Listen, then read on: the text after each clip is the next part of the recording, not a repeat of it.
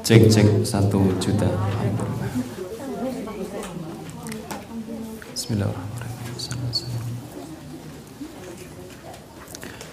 Assalamualaikum warahmatullahi wabarakatuh. Ya, sebelum saya lanjutkan menjawab salam itu ada tiga hal yang harus kita perhatikan. Yang pertama adalah salam yang wajib dijawab. Jadi kalau tidak kita tidak menjawab maka kita dosa. Yaitu salam seperti saya tadi wajib jawab. Mungkin ibu salam ke saya maka saya harus menjawab. Yang kedua salam yang tidak boleh dijawab. Yaitu salamnya imam sholat ketika salam. Jangan dijawab ya. Assalamualaikum warahmatullah. Waalaikumsalam. Jangan ya. Jangan jangan. Yang ketiga, salam yang tidak ingin kita mendapatkan jawabannya. Yaitu salam ketika ziarah kubur. Kita tidak ingin mendapatkan jawaban ya. Assalamualaikum ya kubur. Waalaikumsalam. Bubar semuanya. Anak ini siang hari biar tambah semangat Alhamdulillah Mari kita ulangi lagi karena ini doa ya Assalamualaikum warahmatullahi wabarakatuh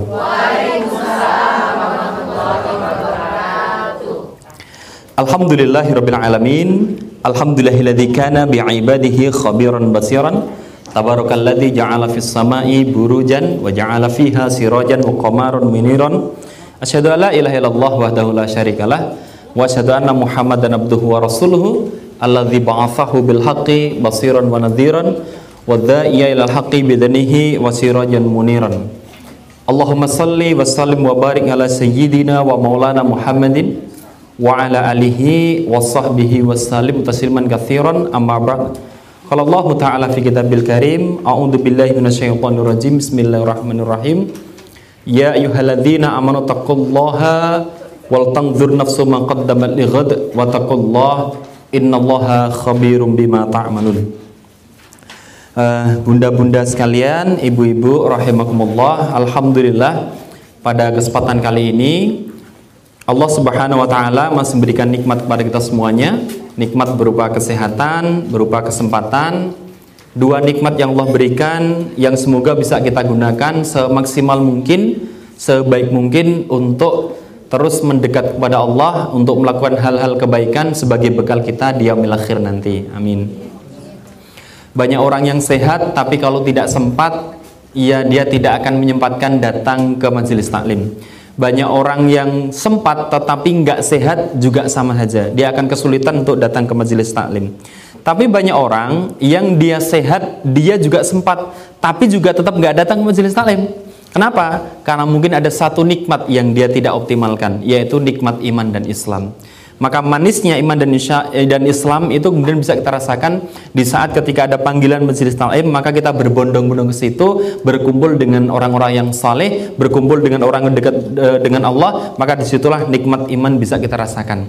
Maka moga-moga ada juga ya, ada juga yang kemudian dia sudah sakit, dia mungkin sibuk luar biasa, tapi kalau ada majelis taklim dia bersegera. Kenapa?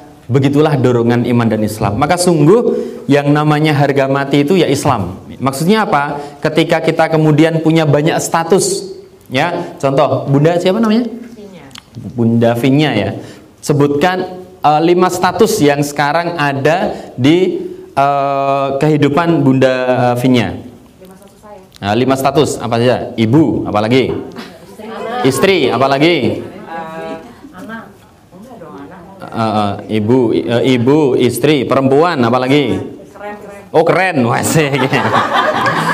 Ya, ini bukan kesombongan, ini ada agak sedikit kabur kan gitu kan? Ya. Apalagi? Satu lagi. Oke, okay, ketua kelas. Oke, okay, satu lagi, satu lagi. Yang paling penting dalam hidup. Oh Islam, oke. Okay. Pilih yang paling penting di antara enam ini. Yang paling penting, pilih tiga di yang paling penting. Ibu, oke. Okay. Apa lagi? Istri, apa lagi? Islam, Islam nggak penting berarti. Oh Islam berarti tiga. Ibu, kemudian istri, kemudian Islam. Pilih yang paling penting di antara tiga ini. Ibu, is, uh, ibu, ya. Yang paling penting dalam kehidupan status dalam kehidupan kita Istri, ibu atau Islam? Islam. Islam. Ya. Jadi apa pun kondisi kita, apa pun jabatan kita, apa pun jenis uh, gen kita, ya, itu sesungguhnya Islam yang paling penting. Ibu-ibu melihat saya mungkin agak sedikit wajah-wajah duafa gitu ya. Saya orang Jogja asli bu ya, saya juga asli. Saya statusnya seorang suami. Saya status saya seorang uh, katakanlah wirausaha. Saya punya bisnis untuk anak-anak ya, untuk uh, mengenalkan para sahabat Nabi kepada anak-anak. Saya juga seorang suami, saya juga seorang ayah. Saya asli Jogja, ya kan? Saya seorang muslim. Kalau saya memilih satu di antara lima status itu, maka tidak bisa tidak saya harus seorang muslim. Seandainya Allah kemudian memberikan takdir kepada saya, saya lahir seorang wanita, saya tidak masalah. Yang penting saya Islam. Ini adalah status terpenting yang kemudian harus ada dalam kehidupan kita. Seperti apa yang kemudian Allah sampaikan di dalam uh, surat Ali Imran gitu kan. Ya ayyuhalladzina amanu taqullaha haqqa tuqatih wa la tamutunna illa wa antum muslimun. Jadi kita diminta kalau nanti mati gitu ya, maka dalam kondisi Islam, bukan kondisi yang lain. Maka inilah pentingnya iman dan Islam. Kalau kemudian kita banyak amal tapi kemudian ternyata tidak punya iman dan Islam, maka oleh Allah disebut sebagai apa? Amalnya itu sebagai apa? E, fata morgana, sesuatu yang tidak dipakai sama sekali sama Allah, nggak dipandang sama Allah, ya kan? Itu kalau banyak orang ada orang yang tidak beriman tapi kemudian dia amalnya baik, ke tetangga baik, ke anak yatim baik, tapi nggak ada iman, itu sama dengan lomba lari, dia menang tapi lupa daftar. Gimana coba?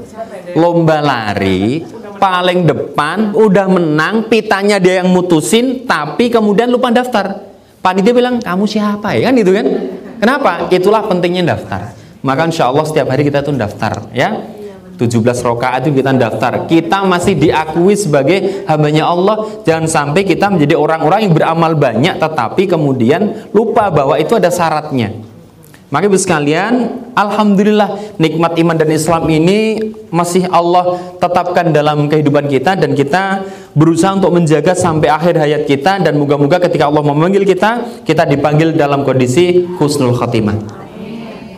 Karena itulah yang akan kita capai. Dan pada kesempatan kali ini saya juga mengajak ya, mari kita bersolawat kepada Rasulullah. Kita juga berdoa semoga solawat dan salam tetap tercurah kepada junjungan kita, sulitra dan terbaik yang pernah lahir di muka bumi ini, suami paling romantis yang pernah ada di muka bumi ini, kepala negara terbaik yang pernah ada, panglima perang yang terhebat yang pernah ada, bapak yang terbaik yang pernah ada, kakek yang paling baik yang pernah ada. Beliau adalah Rasulullah Muhammad sallallahu alaihi wasallam. Moga-moga kita termasuk umatnya yang setia mengikuti syariahnya, setia mengikuti sunnah-sunnahnya dan di yaumil akhir kita akan dibangkitkan bersama dengan Rasulullah dan masuk surga bersama Rasulullah. Amin. Dan kalau kita bicara Rasulullah itu maka dari si mana pun sempurna. Maka seorang Michael Hart, seorang tokoh barat itu memberikan gambaran bahwa memang Rasulullah itu walaupun yang nulis itu non Islam, ya, tetapi beliau menempatkan Rasulullah itu sebagai manusia yang pertama yang paling berpengaruh di dunia. Luar biasa sebagai seorang suami ini paling romantis ya kenapa Rasulullah itu kalau memanggil istri saja itu sampai fisiknya yang disebut ya Humayra wah yang kemerah-merahan nah kalau di rumah biasanya dipanggil apa bu? Wah. Bebek ai ai gitu ya. mungkin bebek sama ayam gitu ya. Ya bebek gitu ya. Kalau Rasulullah ya Humayra wah yang kemerah-merahan gitu ya. Tapi karena ibu-ibu kan orang Indonesia ya istri saya juga orang Indonesia. Daerahnya tropis agak ya agak panas mungkin hitam gitu ya. Manggilnya bukan ya Humairah tapi lebih romantis lagi. Ya Hajar Aswad gitu ya. Jadi batu hitam ya. Nah, maka ya begitulah romantisnya Rasulullah ya. Maka ibu sekalian yang dirtullah mohon maaf saya kenalan dulu. Nama saya Cahyo Ahmad Irsad ya. Sebenarnya Cahyo Ahmad Irsad itu bukan nama asli saya, itu nama yang diberikan Ustadz Felix pada saya. Karena tahun 2000 2015, 2016 saya diminta ngisi di Hong Kong, ngisi di uh, teman-teman di TKI sana ya. Nah, ketika saya ngisi paspor saya harus tiga nama, padahal nama saya cuma satu. Ya, saya kan orang asli desa begitu ya. Nama saya cuma satu, yaitu apa? Cahyono titik. Ya, ini cahyono aja. Cahyo itu cahaya, No itu? Oh tidak ya, dia nah, tidak percaya itu surem gitu ya. No itu oh no kira-kira begitu ya. Nah tapi saya sering dipanggil Kak Cahyo karena saya sering mendongeng untuk anak-anak. Nah, saya pakai ini, pakai apa? Ada suara-suara burung. Wah segala macam gitu ya, lucu-lucuan pokoknya ya. Saya sering mendongeng. Nah hari ini saya mendongeng di depan ibunya anak-anak ya, nggak apa-apa. Siang-siang panas gini kan, ya. Nah, jadi saya boleh dipanggil Kak Cahyo ya boleh lah ya, ya. Walaupun saya mulai, sudah mulai meninggalkan dunia hitam, alhamdulillah ya. Nah, udah mulai meninggalkan dunia hitam, udah memutih semuanya ini bu ya. Alhamdulillah. Padahal usia saya itu dengan Ustaz Felix itu sama. 33, tapi wajahnya 75 bu ya. Alhamdulillah. Ya, masih muda banget, imut-imut bu ya, alhamdulillah. Masya Allah ya. Ya maksudnya apa ya?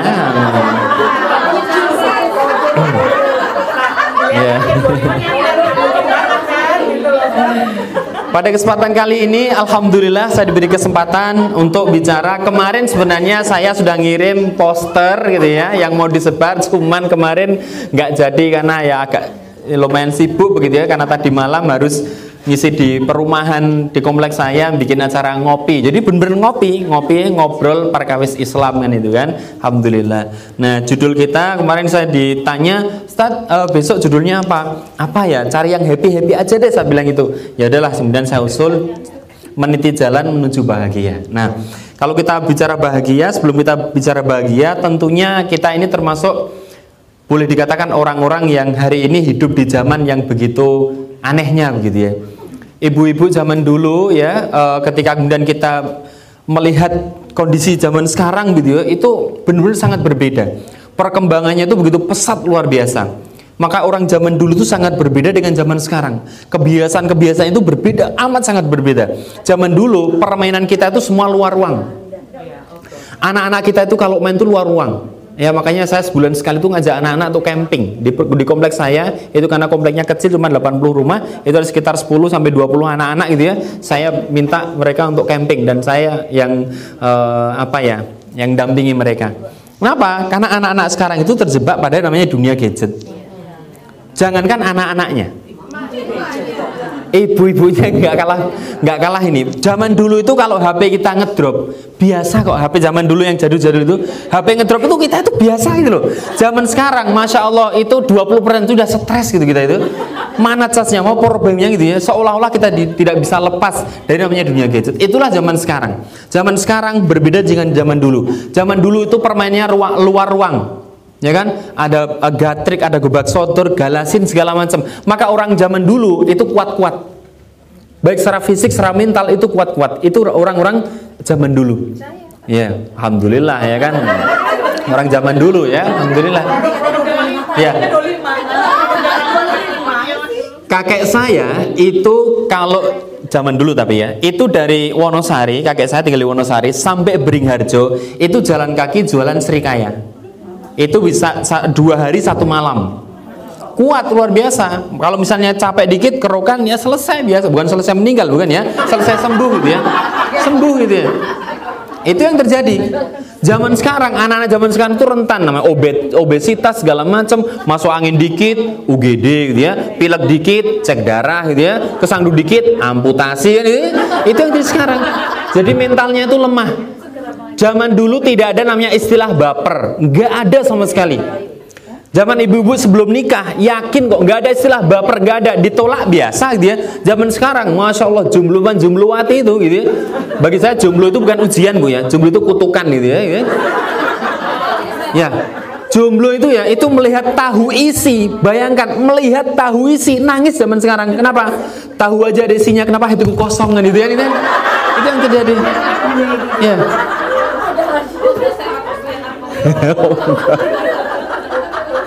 Jadi anak-anak zaman sekarang mentalnya itu sedemikian rapuhnya, rapuh luar biasa.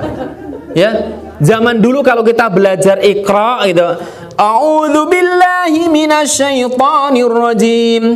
A, ba, tak itu kalau kita salah, masya Allah dipukulin sama ustadznya, kamu tuh gimana? Ih, gitu ya. Zaman sekarang coba, kalau siswa di apa cubit sama guru, lapor Komnas HAM gitu. Kadang ngancem itulah yang terjadi. Sikap mental hanya anak zaman dulu sangat berbeda dengan zaman sekarang. Orang tua zaman dulu tentunya berbeda dengan zaman sekarang, ya. Zaman dulu mungkin bisa ya mendidik itu mendadak. Itu mungkin bisa ya. Kamu gimana harus gini, langsung jadi. Kalau sekarang enggak, mendidik nggak bisa mendadak, ya. Mengajar ya yang namanya mengajak itu bukan mengejek kan begitu kan? Yang terjadi hari ini adalah pola pendidikan itu kemudian sangat berubah sekali maka ibu-ibu sekarang ya kebetulan saya nggak wangi uh, yuk ngaji dengan teman-teman begitu ya. Itu untuk dakwah di kalangan anak muda tapi tidak tidak langsung ngajak ke masjid. Kita pergi ke futsal begitu ya. Untuk kemudian ngajak futsal habis itu kajian bareng. Kita ngajak gowes habis itu kajian bareng. Memang sekarang zamannya begitu. Walaupun ujung-ujungnya tetap ngajak mereka ke masjid. Tetapi pola pendekatannya sudah mulai berbeda Berarti termasuk ibu-ibu ketika kemudian menginginkan anaknya segera berhijrah, anaknya segera berhijab, anaknya baik, berarti pola pendekatannya memang harus segera berubah. Kalau dulu ada pepatah mengatakan witing no jaran sko kulino. Kalau sekarang sudah berubah, witing no jaran sko kuliner. Tumbuhnya cinta anak kepada orang tua itu karena sering diajak makan bersama. Dan hari ini budaya itu, kebiasaan itu sudah mulai pudar. Kenapa? Setelah sampai di rumah, semuanya sibuk dengan jet masing-masing. Maka di situ kemudian kalau kita lihat yang namanya happy, namanya bahagia sudah teralihkan. Sudah teralihkan sekali. Dulu kalau namanya bahagia itu ngumpul dan ngobrol. Sekarang ngajak ngumpul tetap aja masing-masing begini. Itu yang terjadi, beda sekali. Itu yang terjadi. Itu sebuah keprihatinan yang luar biasa. Ya, Siapa lagi? Suami zaman dulu berbeda dengan sekarang. Zaman dulu kalau punya foto istri disimpan di mana? Wah, ketahuan usianya ya kan gitu ya. Di dompet. Kalau zaman sekarang di mana, Bu? Di HP. Ketika di kantor, Pak itu istrinya? Iya, alhamdulillah. Cantik ya, Pak? Alhamdulillah. Kenapa dipasang di wall? Gimana ya kalau pekerjaan kantor tuh berat, penat, wah pokoknya pekerjaan numpuk, lembur, pokoknya semuanya berat. Tapi kalau melihat istri saya, semuanya jadi ringan. Nah. Loh, kenapa Pak? Karena dia masalah terberat saya, ya. Nah, jadi bangan, jangan bangga dulu ya. ya jangan GR dulu, ya. Jangan GR dulu. Ya, jangan GR dulu. Bisa jadi ibu-ibu itu sebagai pembanding masalah kantor aja gitu ya. Alhamdulillah. Tapi harus kita sadari, walau demikian, semua yang dilakukan itu mengarah pada satu titik, yaitu namanya bahagia. Orang zaman dulu dengan zaman sekarang tetap mencari satu titik, yaitu bahagia, betul? Pola perilakunya beda-beda, tetap saja mengarah kepada satu bahagia. Satu titik itu bahagia. Pertanyaannya, bahagia itu apa? Kita pingin yang namanya bahagia. Tapi kalau kita tidak tahu definisi bahagia itu apa, apa yang terjadi? Nggak nyampe ke sana. Kita itu pingin makan combro, tapi kita tidak tahu combro itu apa. Akhirnya malah makan lemper. Kita pingin makan mie ayam, tapi kita nggak tahu mie ayam itu apa. Akhirnya malah makan spaghetti, malah lebih mahal gitu ya. Kita pingin bahagia, tapi kita tidak tahu bahagia itu apa. Jangan-jangan selama ini yang kita lakukan itu tidak mengarah kepada namanya bahagia. Khawatirnya begitu. Padahal seolah-olah kita sudah, wah ya Allah tenang. Padahal mungkin yang kita lakukan tidak pernah mengarah ke sana. Itu namanya pentingnya kita melakukan apa ya sebuah kayak men-scan apa yang namanya itu bahagia. Pertanyaannya, bahagia itu apa?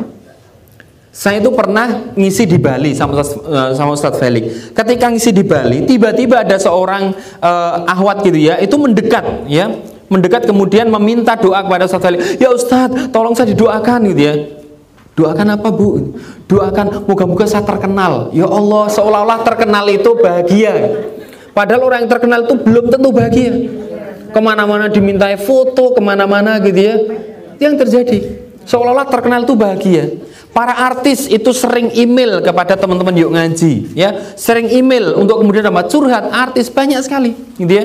Yang ketika itu mereka mengatakan ketika saya di depan fans ketika saya di depan para penggemar saya kami itu tersenyum lebar sekali. Tapi ketika kami masuk ke dalam mobil di situlah kehidupan kami yang nyata. Dan yang tahu adalah sopir kami. Kami sebenarnya nggak bahagia yaitu lip saja gitu loh. Ternyata apa? Ketenaran tidak menjamin seorang untuk bahagia. Berapa banyak orang yang tenar tapi kemudian hidupnya apa? Menyembunyikan diri, keluar khawatir dicari wartawan segala. Mereka tidak tenang kehidupannya. Ternyata apa? Yang namanya tenar belum tentu membuat kita bahagia. Oh, yang namanya bahagia itu punya rumah yang mewah, megah, ya, yang seluas lapangan golf gitu ya. Pertanyaannya, kalau seluas lapangan golf, apakah tidurnya itu guling-guling itu? Tetap saja dua kali satu. Tapi banyak orang yang punya kamar mewah, semuanya leks luar biasa. Bahkan saking empuknya kasur sampai kalau kita duduk mental lagi gitu kan. Saking empuknya begitu ya. Ada kasur gaya air, kasur ada udah segala macam. Tapi banyak orang yang punya kamar tidur mewah luar biasa, tapi kalau malam nggak bisa tidur. Ada nggak? Banyak. Stres mereka. Ya, mending mungkin hidup mungkin seperti saya masih ngontrak gitu ya. Yang nyuteng namanya Mas siapa? Mas Billy. Udah menikah? Alhamdulillah. Ini masih imut-imut ya kan? Alhamdulillah. Ya, mending saya Mas Billy ya itu kalau tidur ya mungkin beralaskan tikar pandan begitu ya, nelongso begitu ya. Tapi kalau pas tidur, masya Allah pulesnya minta ampun gitu ya, nyenyak banget. Bahkan mungkin ketika Ramadan sampai lupa sahur kan gitu kan, saking nikmatnya gitu ya. Sementara orang yang kaya raya punya kamar mewah malah nggak bisa tidur. Berarti apa? Yang namanya rezeki bukan apa yang dia miliki, tapi apa yang bisa dia nikmati ya, untuk kemudian mendapatkan sesuatu yang membuat hatinya tenang. Oh, yang namanya uh, bahagia itu kalau punya uang banyak, kenapa bisa? Kenapa bisa ini? Membeli makanan yang enak-enak. Lihat orang-orang kaya. Lobster, Pak. Wah, dokter bilang, "Mohon maaf, Pak, kolesterol." Wah ini ini uh, anu sate sate, mohon maaf darah tinggi. Oh ini jantung segala macam. Mereka bisa membeli apa pun, tetapi tidak bisa menikmati. Ya, mending kayak saya begitu ya, apa apa bisa dimakan, tapi nggak bisa beli. Ya, sama aja ternyata ya. Gitu. Berarti apa? Yang namanya bahagia tidak ada kaitannya sama sekali dengan dunia. Bahagia tidak ada kaitannya sama sekali dengan uh, Dunia nggak ada. Bahkan Rasulullah memberikan gambaran uh, ad-dunya sijnun. Jadi dunia itu penjara. Untuk siapa? Untuk orang-orang mukmin. Wajanatul kafirin. Jadi dunia itu penjara untuk orang mukmin dan surga untuk orang-orang kafir. Bayangkan dunia itu disebut Allah sebagai penjara. Berarti nggak nyaman. Kita pengen segera keluar dari situ. Maka hari ini banyak orang yang kemudian punten sekali, lihat saja semuanya itu ukurannya dunia. Contoh aksi 212 bela Islam, statusnya bela Islam, Allahu Akbar, subhanallah, uh, luar biasa, bersatunya Islam. Eh ada ibu-ibu yang juga ikut status, cek IG ku ya, cek pelas, pelangsing, pemutih, penggemuk, pembesar gitu ya. Padahal itu itu status tentang apa? 212 masih ada iklan pemutih gitu ya. Kenapa? Ya begitulah semuanya diukur dari dunia. Ya, kalau ibu biasa diukur dari fisiknya. Makanya apa? Mulai khawatir keriput, khawatir segala macam. Seolah-olah itulah sumber kebahagiaan. Padahal enggak. Enggak ada kaitannya sama sekali. Buktinya apa? Ya, contoh misalnya Jepang dengan pendapatan rata-rata katakanlah 38.633 US dolar per kapita ya. Artinya apa? Rata-rata lah per orang lah 30-an juta rupiah per bulan. Itu berarti di atas indeks rata-rata dunia ini rata-rata kesejahteraan dunia. Apa yang terjadi? Jepang adalah negara salah satu negara dengan angka bunuh diri paling tinggi di dunia. Padahal mereka kaya raya loh. Mereka teknologi semua ada loh. Mobil motor. Di Indonesia semua merek Jepang. Honda, Suzuki, Yamaha, Kawasaki, semua dari Jepang. Kenapa Yamaha? Karena dari Jepang. Kalau dari Arab, ya Mahmud. Nah, beda ya? Enggak beda. Beda. beda ya, beda. Semua dari Jepang. Ibu Bar yang pernah ke Jepang? Alhamdulillah, ada alhamdulillah. Bu, yang Jepang yang paling paling beda di Indonesia apanya, Bu, lingkungannya?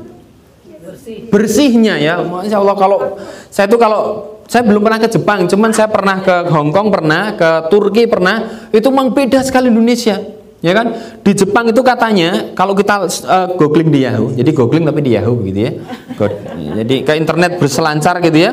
Itu ketika aja Jepang, itu got-gotnya bersih sekali. Tapi orang Jepang jarang yang makan ikan sungai. Mereka makan ikan laut. Bagi mereka sungai itu katanya image-nya kotor, padahal bersih sekali sana.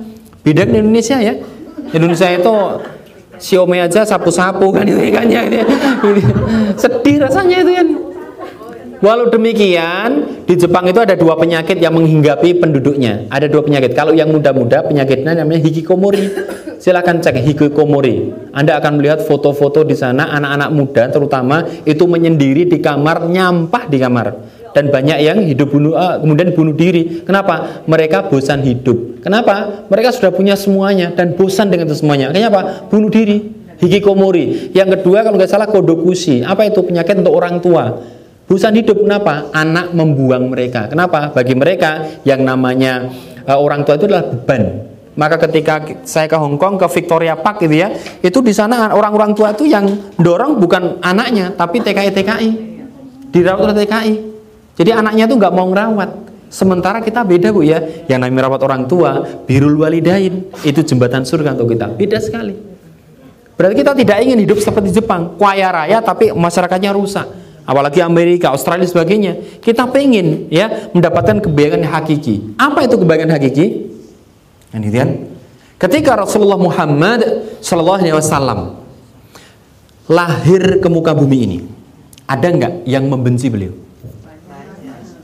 Sebelum, ya, sebelum jadi nabi, nggak ada. Semuanya mencintai Rasulullah, termasuk pamannya Rasulullah, yang kemudian dilaknat oleh Allah melalui surat Al-Ahab. Abu Lahab itu ketika Rasulullah hadir di muka bumi ketika beliau lahir, masya Allah bangganya luar biasa.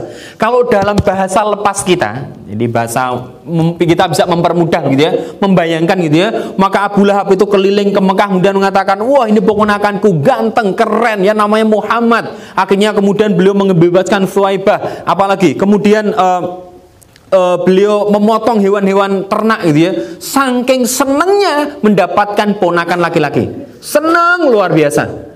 Itu Abu Lahab. Ketika Rasulullah remaja hampir semua penduduk di Mekah itu apa nitip segala sesuatu itu melalui Rasulullah. Ketika Rasulullah masih kecil itu Rasulullah itu duduk di uh, depan Ka'bah. Yang itu sesungguhnya Nah, tempat duduk kakeknya Abdul Muthalib dia itu tempat duduk orang-orang pembesar ketika itu. Tidak boleh ada kecuali orang-orang yang paling berpengaruh. Nah, Rasulullah itu duduk di situ. Wah, pada marah, "Eh, jangan-jangan anak kecil ya." Abdul kakek beliau kemudian apa? Enggak apa-apa, ini nanti anak ini akan menjadi orang yang besar. Jadi kakeknya dong ketika kecil sudah mengatakan ini cucuku ini akan menjadi uh, orang yang besar. Semuanya bahagia me, uh, men, me, menerima kedatangan Rasulullah. Sebelum Rasulullah diangkat jadi nabi. Akhlak Rasulullah sangat terpuji sekali. Bahkan diberi gelar apa? Al Al Amin. Masya Allah. Tidak ada satupun yang membenci Rasulullah. Enggak ada. Tapi setelah Rasulullah diangkat jadi nabi, apa yang jadi? Semuanya hampir memusuhi Rasulullah.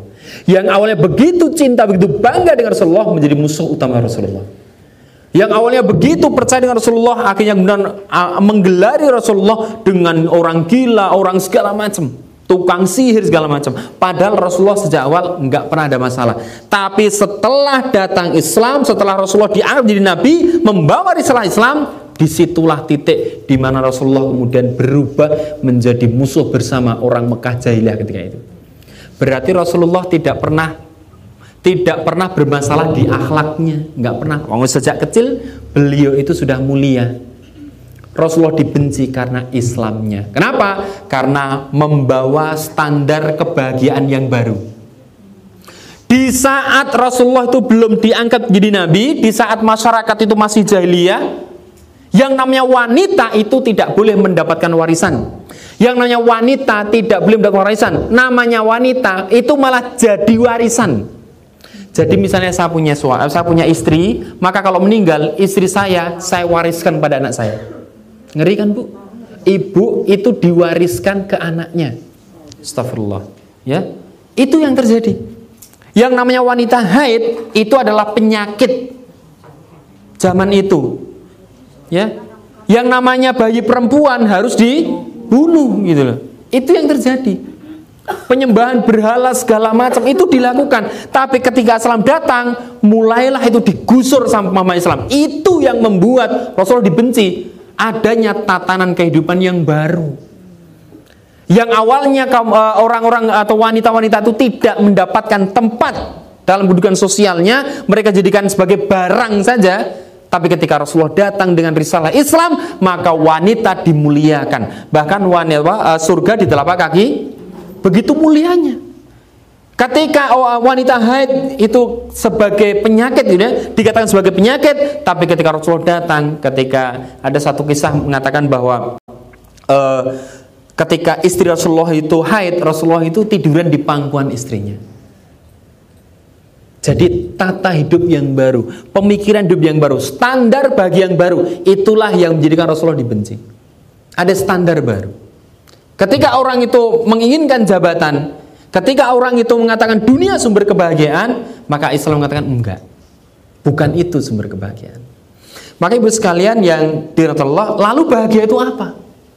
Bagaimana mungkin seorang Bilal bin Robah ya yang kemudian disiksa oleh juragan kafirnya, ditimpa dengan batu di uh, uh, di lentang di padang pasir yang sangat panas tapi Bilal bin Robah jauh lebih menyenangi itu daripada dia menyembah kepada Lata Uzza dan sebagainya. Jadi ada standar hidup yang baru ada standar bahagia yang baru. Kenapa Sumayyah yang kemudian disiksa oleh Umayyah bin Khalaf yang ketika itu ditusuk dari kemaluannya sampai tembus perutnya dia lebih mencintai itu daripada dia mengikuti kekafiran lagi itu yang jadi. Kenapa kemudian uh, Mus'ab bin Umair yang dijuluki sebagai manusia terharum di Mekah ketika itu? Jadi kalau dia keluar dari rumah itu cendela-cendela pintu di Mekah ketika itu membuka. Jadi kalau dalam bahasa kita ya dia artisnya lah. Jadi kalau keluar set harum semuanya maka wanita itu bilang ah Mus'ab. Nah, kira-kira begitu ya gitu ya. Hmm. Ya kayak Mas Mas Billy lah ya Mas Billy itu kalau keluar rumah set oh Billy lempar sendal ya segala macam lah gitu ya. Nah, gitu ya. Tapi kemudian Musa bin Numair yang kemudian dia anak tokoh, orang kaya, ganteng luar biasa, rela meninggalkan itu hanya untuk Rasulullah. Berarti dia menemukan kebahagiaan yang baru. Ya. Mereka rela berjalan dari Mekah ke Madinah. Insya Allah di sini Insya Allah sudah banyak yang uh, pergi ke tanah suci ya. Kita bisa bayangkan bu kalau kita dari Medina itu ke Mekah, ya Allah bu jalannya bu ya itu namanya tan bukan tandus ya bu. Tajam tajam nggak ada jalan aspal. Jalan Rasulullah tuh nggak ada jalan aspal tajam tajam. Kayak apa perjuangan beliau? Dan itu jalan kaki pakai unta terkadang segala macam gitu ya. Tantang luar biasa. Tapi para sahabat rela meninggalkan kemewahannya untuk ikut Rasulullah. Berarti apa? Ada sesuatu yang ditemukan ini kebahagiaan yang hakiki yang Rasulullah janjikan. Maka kenapa banyak sekali sekarang pengusaha-pengusaha hijrah gitu ya. Ada artis hijrah. Kenapa? Mereka mulai menemukan kebahagiaan hakiki. Gitu ya. Nah moga-moga di sini yang mungkin belum uh, sempat ke mana? Ke tanah suci gitu ya. Moga-moga Allah segerakan ke sana. Ya amin ya. Yang namanya haji namanya umroh itu panggilan Allah betul? Moga-moga kita semuanya segera dipanggil oleh Allah ya. Dipanggil oleh Allah ke tanah suci maksudnya ya gitu ya, ya ke tanah suci. Amin ya. Gitu Nah, ibu-ibu sekalian yang telah lalu bahagia itu apa? Baik, saya ingin mengutip surat Toha ayat 124 sampai 126. Surat Toha ya. Ya. Ayat 124 sampai 126 26 ya, 120. Itu digambarkan apa makna sengsara. Jadi kita tidak bahas bahagia dulu ya, kita bahas sengsara dulu. Nanti kalau bagi sengsara, kalau kita bahagia uh, bahas sengsara, nanti bahagia berarti sebaliknya, kira-kira begitu.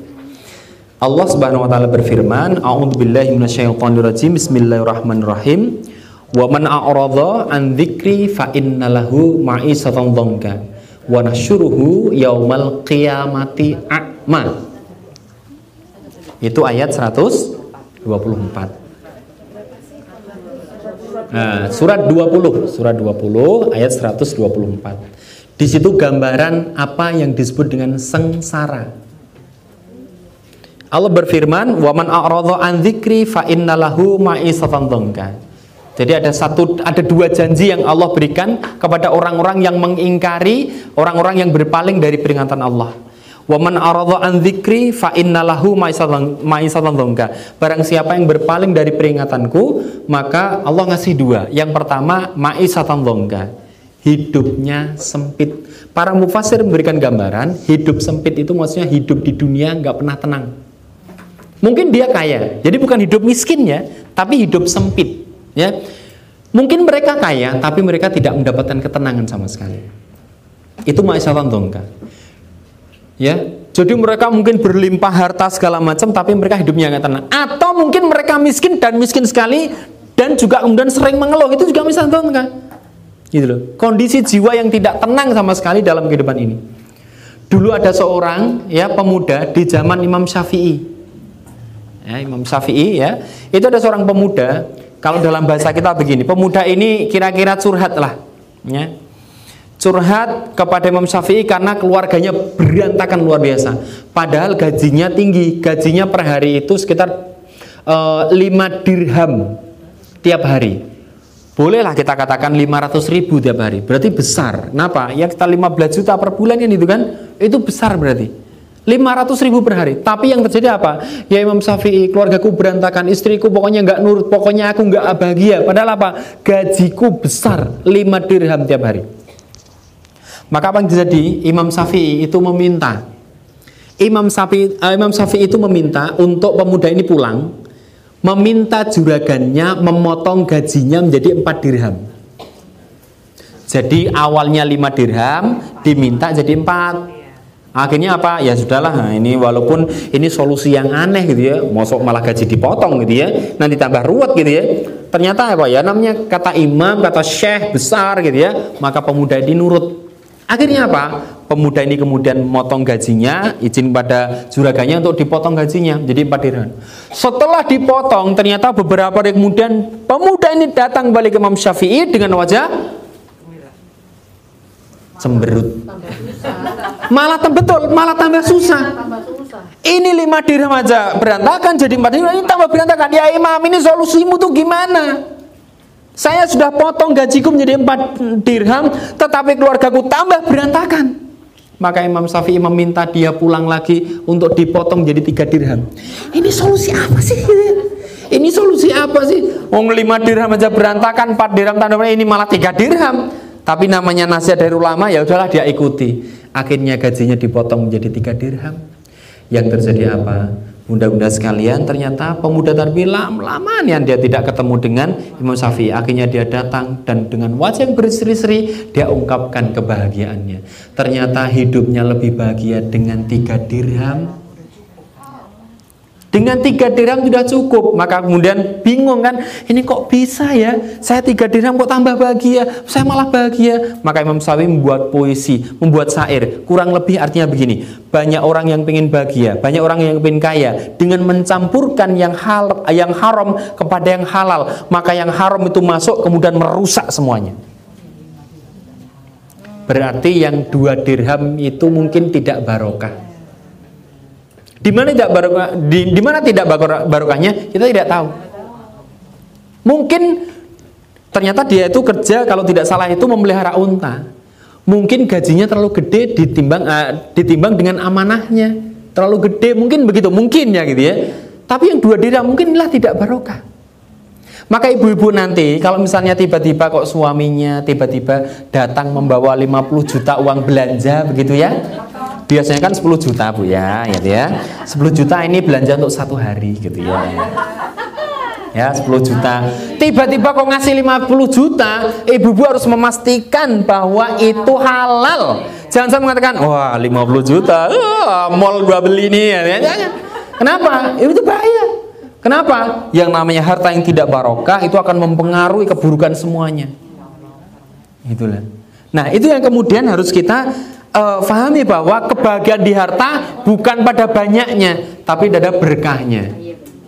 Pada barokahnya. Maka jangan heran, ya ya Ustadz, di sana ada orang-orang tidak beriman, sholatnya bolong-bolong, bahkan dia tidak beriman pada Allah. Tapi kenapa Ustadz? Dia itu kayaknya bahagia, yang naik hartanya tuh banyak sekali, lancar banget. Kenapa? Sementara kita ya Allah, kita sulit sekali. Banyak yang kemudian belum lunas segala macam. Kenapa? Padahal setiap hari saya itu sholat tahajud, satu hari sementara di sana dia tuh kafir. Kenapa tidak? Ah, pusing kan? Itu kalau ada orang yang beriman kok rezekinya lancar, namanya istidraj. Istidraj itu apa ya? Istidraj itu dilulu. Dilulu itu di apa bu ya? Dikasih fur, dikasih fur. Nih, nih, nih, nih. Kayak ibu-ibu Misalnya gini, kalau anaknya itu bandel banget itu ya, mama mainan ini, mama ini, kemudian ibu tuh sampai jengkel ini, udah ambil semuanya, ibu nanti yang bayar. Itu tanda sayang atau marah? Marah. Tak ngasih tapi marah. Nah itu istidrat kira-kira begitu. Ada tukang parkir rese banget itu ya. Kita ngasihnya bukan karena cinta kan gitu ya. Ih tukang parkir, ih ganteng banget. Bukan itu kan itu. Kita, uh, nih gitu ya. Kenapa? Karena rese itu. Kenapa? Karena apa? Marah. Istidrat begitu. Jadi nggak usah heran, nggak usah khawatir ya yang namanya bahagia di harta itu bukan pada banyaknya tetapi ada berkahnya barokahnya itu yang apa itu barokah ziyadul khair bertambahnya kebaikan jadi kalau kita dapat harta kok tiba-tiba kita was-was aduh gimana ini ini hal atau enggak ah, itu hati-hati tiba-tiba kemudian keburukan kemudian muncul bisa jadi itu karena tidak barokah itu ma'isatan dongka hidupnya sempit. Itu yang pertama. Berarti apa? Yang namanya kesengsaraan itu berawal dari pengabaian kepada perintah Allah. Ketika Allah mengatakan A, kita B. Ketika Allah mengatakan kita A. Jadi apa? Melupakan, mengabaikan perintah Allah. Tidak hanya itu, Allah melanjutkan wa yaumal qiyamati a'ma. Di dunia disempitkan hidupnya, di yaumil akhir dikumpulkan dalam kondisi buta. Buta di dunia masih mending bu ya, ada yang nuntun gitu ya, ada yang kemudian kita punya tongkat, ada punya kursi roda, ada jalan khusus untuk orang buta. Lah ini buta di yaumil akhir. Jangankan yang buta, yang ngelihat saja di yaumil akhir itu pada tunggang langgang kocar kacir nggak karuan gitu ya. Ini buta. Lalu bagaimana repotnya mereka? Kenapa? Karena di dunia mereka mengabaikan perintah Allah diminta cari yang halal dia nabras yang haram diminta menutup aurat dia buka auratnya gitu ya ini yang terjadi diminta untuk kemudian uh, sholat diminta untuk melaksanakan hal-hal yang baik diminta melaksanakan kewajiban-kewajiban malah ditinggalkan jadi mengabaikan perintah Allah gitu. tidak kemudian tidak nurut sama Allah maka kemudian orang-orang kafir ini orang-orang yang tidak taat sama Allah ini protes di ayat berikutnya itu protes. Qala rabbi lima hasyartani a'ma wa qad kuntu basira. Mereka itu protes. Ya Allah, ngapain sih saya dikumpulkan dalam kondisi buta? Padahal dulu kami di dunia itu melihat, tapi kenapa sekarang kami buta? Jadi mereka protes. Ya. Mereka kemudian protes kenapa sekarang itu saya buta padahal dulu kami melihat nggak ada masalah sama sekali.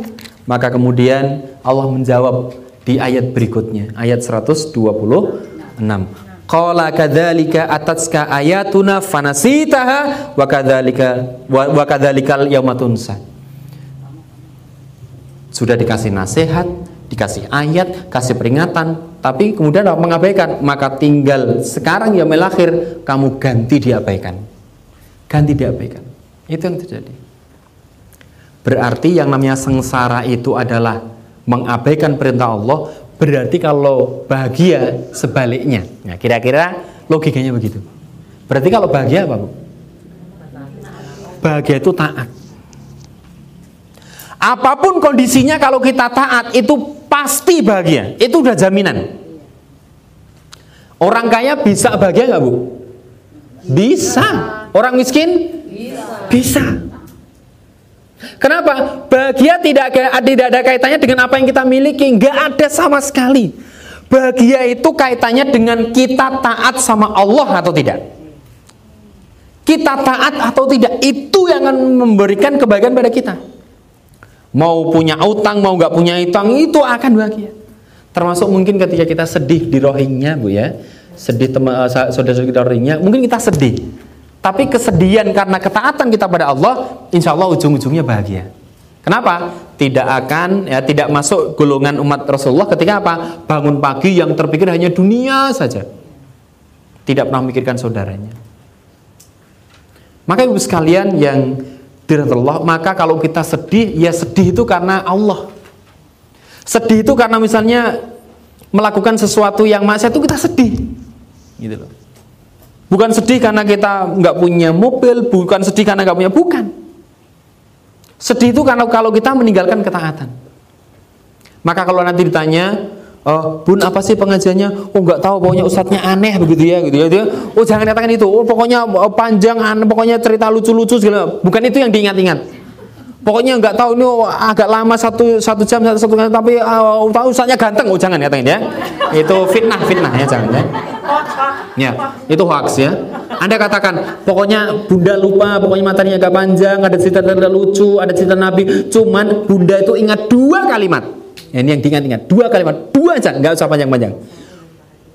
Taat pasti bahagia maksiat pasti sengsara. Taat pasti? Maksiat pasti itu yang kita ingat-ingat.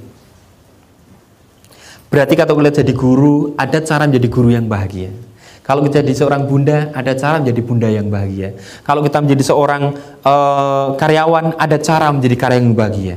Dan caranya itu adalah Quran dan Sunnah. Maka taat itu pasti bahagia. Bukan kaya pasti bahagia, bukan. Taat itu bahagia. Maka taat itu ya kalau kita kita kembangkan lagi ya ketakwaan itulah yang namanya kebahagiaan. Apa itu takwa? Nah, lihat apa yang disampaikan oleh uh, Sayyidina Ali bin Abi Thalib radhiyallahu anhu. Takwa itu ada empat. Yang pertama yang namanya takwa itu adalah al khauf min jalil. Al khauf jadi takut kepada Allah yang Maha Perkasa. Al khauf min jalil. Ya. Jadi orang yang disebut takwa itu kalau dia senantiasa ada muncul rasa takut kepada Allah. Takut ini yang kemudian menjadikan rem buat kita untuk melakukan sesuatu maksiat. Ya, kayak ibu-ibu itu biasanya kalau ada konflik dengan suami gitu kan. Suami dengan istri, istri dengan suami terkadang ada konflik, tapi jangan sampai terjadi kemaksiatan di situ. Kalau namanya marah-marahan biasa Bu ya, ya namanya aja rumah tangga, tapi tidak sampai kepada maksiat, ya gitu. Nggak sampai pada kemaksiatan yang uh, ya hanya sekedar berbeda pendapat ya wajar gitu ya, ya apalagi kemudian katanya uh, apa ya namanya tugas dalam rumah tangga itu kan kebanyakan bapak atau ibu tugasnya? Oh biasanya ibu. Kalau saya enggak. Oh mbak di rumah ya, gitu ya. Kalau saya biasanya berpendapat yang namanya tugas rumah tangga itu kebanyakan adalah bapak nyuci tugasnya bapak, ngomong tugasnya bapak, beli sayur bapak, masak bapak, semuanya bapak. Ibu itu tugasnya cuma satu, taat. Disuruh ngomong, ngomong ya, disuruh nyuci, ya. nah, ada cara bagaimana bahagia. Ah, kembali ke al khauf bin jalil ya, al khaufnya takut kepada Allah. Maka ini sebagai CCTV yang utama untuk kehidupan kita. Contoh sederhana sekali tentang al-khauf min jalil itu ketika ada perintah puasa. Ya ayyuhalladzina amanu kutiba alaikumusiyam. Bunda, kalau siang hari, Bunda ternyata lupa sahur. Siang hari panas terik luar biasa, lapar, haus, dahaga, berani nggak ke belakang, ke toilet, kunci toilet, nggak ada CCTV, bawa air mineral segelas saja, teteskan satu tetes saja, berani nggak? Nggak berani. Kita kalau pas puasa, masya Allah ya, takutnya sama Allah itu memuncak gitu loh. Al khauf minjal itu muncak bener. Ketika bu sedang puasa, nanti kalau mau gosip habis berbuka, oh nggak boleh, tetap nggak boleh ya ini, nggak boleh habis maghrib ya ini, nggak boleh. Ya, kalau laki-laki godaannya adalah mata, kalau wanita godaannya adalah mulut, lisan. Makanya biar laki-laki itu kalau puasa, astagfirullah rumput tetangga lebih hijau gitu-gitu ya. Godanya di sini, maka disebut laki-laki mata keranjang. Kalau ibu, oh ibu mata keranjang jarang. Ibu itu bawa keranjang kan gitu kan. Itu yang terjadi. Maka kalau laki-laki itu biasanya sumber dosanya di sini. Kalau dia tidak punya al khauf min jalil, udah jelalatan matanya gitu kan. Maka laki-laki kalau banyak dosa biasanya kalau nangis yang ditutupi apanya? Mata. Laki-laki itu kalau nangis yang ditutup matanya. Nah, itu laki-laki. Kalau ibu-ibu enggak. Yang ditutup apa? mulutnya. Ibu itu kalau nangis gini. Iya kan? Mungkin itulah sumber dosa yang berbeda Bu ya. Laki-laki bener loh, Mas Billy itu kalau nangis itu mesti gini. Jadi dia nggak mau dilihat. Kalau bu ibu itu begini, nggak apa-apa lah saya nangis kayak Doraemon itu nggak apa-apa ya. Yang penting nggak didengar sama orang gitu. Saya nggak pernah lihat ibu-ibu nangis yang gini. nggak pernah. Mungkin inilah sumber dosanya. Makanya kalau kita tidak punya al khauf min jalil, ini lisan ini bisa luar biasa. gosip sana sini segala macam gitu ya. Itu yang jadi kenapa? Tidak ada ketakutan dalam diri kita kepada Allah, nggak ada. Maka orang yang bertakwa yang pertama adalah khauf min jalil. Maka di mana pun dia mau dia karyawan di direktur kalau ada Allah dalam dirinya ada ketakutan sama Allah dia menjadi uh, itu menjadi kontrol pertama dia. Al khauf min jalil. Apalagi alhamdulillah kita itu bersyukur sekali dikasih Allah syariat tentang puasa. Puasa itu melatih kita benar-benar takut sama Allah loh, yakin. Kalau puasa itu masih ada riak-riaknya loh, Bu. Puasa itu masih ada unsur biar dilihat banyak orang tapi kalau puasa itu enggak Contoh misalnya Mas Billy sama saya kan laki-laki gitu ya. Kalau jadi imam, hmm, kalau jadi imam apalagi kalau belum nikah, belakangnya itu calon mertua sama calon uh, istri. Hmm, Masya Allah, imamnya sudah kayak masjid, uh, Masjidil Haram gitu ya. Allahu Akbar. Wah, sudah merdu luar biasa. Kalau jadi imam. Kalau sendirian, kul hukul hukul hukul hukul. Cepat sekali. Sholat kan begitu. Sholat kita khususnya berapa lama kan gitu kan? Itu kalau apa? Apalagi coba sedekah. Sedekah kita itu berapa banyak yang ikhlas dia? Terkadang ya diumum walaupun diumumkan itu boleh sebagai apa? Tahadus binikmah. Untuk pelajaran supaya diambil motivasinya, kebaikannya. Bu Endang 100 ribu Bu Eva wakaf 100 ribu Hamba Allah 1 juta Tiba-tiba tiga orang ini keluar Bu tadi berapa bu? Alhamdulillah sesuai dengan ketentuan panitia saya 100 ribu aja. Kalau ibu berapa? Bu Eva, uh, alhamdulillah saya juga 100 ribu. Kalau ibu berapa? Saya tuh nggak mau disebut namanya. Saya tuh yang hamba Allah tadi loh. Gitu. Tetap aja gitu ya. Tetap riak juga. Sedekah itu nyata masih ada unsur riaknya juga gitu ya. Nah, coba apalagi haji. Hmm, haji masih banyak juga. Bu ini kita itu kan diundang nikahan bu Ya emang ke mana, kenapa pak? Ini loh yang undang kita itu loh nggak paham kalau kita itu sudah naik haji lima kali Mosok hanya cuma satu Ya lima lah Kan itu kan Riaknya itu masih ada itu loh tapi ada nggak orang yang riak karena puasa? Nggak ada. Lihatlah bibirku pecah-pecah gitu. Nggak ada gitu ya. Maka namanya puasa kita bersyukur pada Allah. Allah itu menurunkan puasa untuk melatih kita orang yang takut sama Allah. Tapi harus kita jaga istiqomahnya. Maka pertama kali adalah al khauf min jalil. Takut pada Allah yang Maha Perkasa. Itu syarat pertama ketika kita pengen yang bahagia, takut pada Allah. Maka insya Allah benteng pertama ini sudah mulai tumbuh lah gitu. Yang kedua, yang orang bertakwa itu adalah al amalu bi tanzil. Al amalu bi tanzil, mengamalkan yang diturunkan. Jadi namanya takut pada Allah bukan kemudian aduh saya takut beramal nih. Biar, uh, uh, bukan namanya takut pada Allah, justru dia akan mendekat pada Quran dan Sunnah kemudian mengamalkan yang diturunkan. Kenapa? Hidup manusia itu butuh huda, butuh butuh petunjuk. Ya. Maka kemudian Quran itu datangkan sebagai hudalinas wa minal huda wal furqan. Ini untuk petunjuk manusia bagaimana kita beramal. Ini petunjuknya. Maka syarat atau definisi takwa yang kedua, satu al khauf min jalil, yang kedua adalah al amalu bitanzil, mengamalkan yang Allah turunkan. Bagaimana kita bekerja, Allah punya aturan. Bagaimana kita menjadi seorang istri, Allah punya aturan. Bagaimana menjadi seorang suami, Allah punya aturan. Itu yang menjamin kita akan selamat. Dan luar biasa. Ketika para nabi punya mukjizat, tapi ketika nabi sudah diangkat, maka mukjizatnya hilang. Nabi Musa mujizatnya salah satu adalah tongkat yang bisa membelah lautan ini berubah menjadi ular. Tapi ketika Nabi Musa meninggal, mujizatnya sekarang masih ada nggak? Sudah nggak ada. Nabi Isa ketika beliau meninggal juga sudah diangkat mujizatnya. Nabi Ibrahim sudah diangkat mujizatnya. Tapi Rasulullah Muhammad SAW ketika beliau meninggal, mujizat yang beliau uh, bawa itu masih ada dan sekarang sudah ada di depan kita. Ini mujizat ini. Mujizat itu maknanya apa, Bu? Mujizat itu apa? Mujizat itu sesuatu yang melemahkan. Jadi kalau ada sesuatu yang berhadapan dengan itu, maka lemah dia. Jadi mujizat itu yang melemahkan. Contoh, zaman Nabi Musa yang paling hebat, yang paling trending topik apa, Bu? Tukang sihir.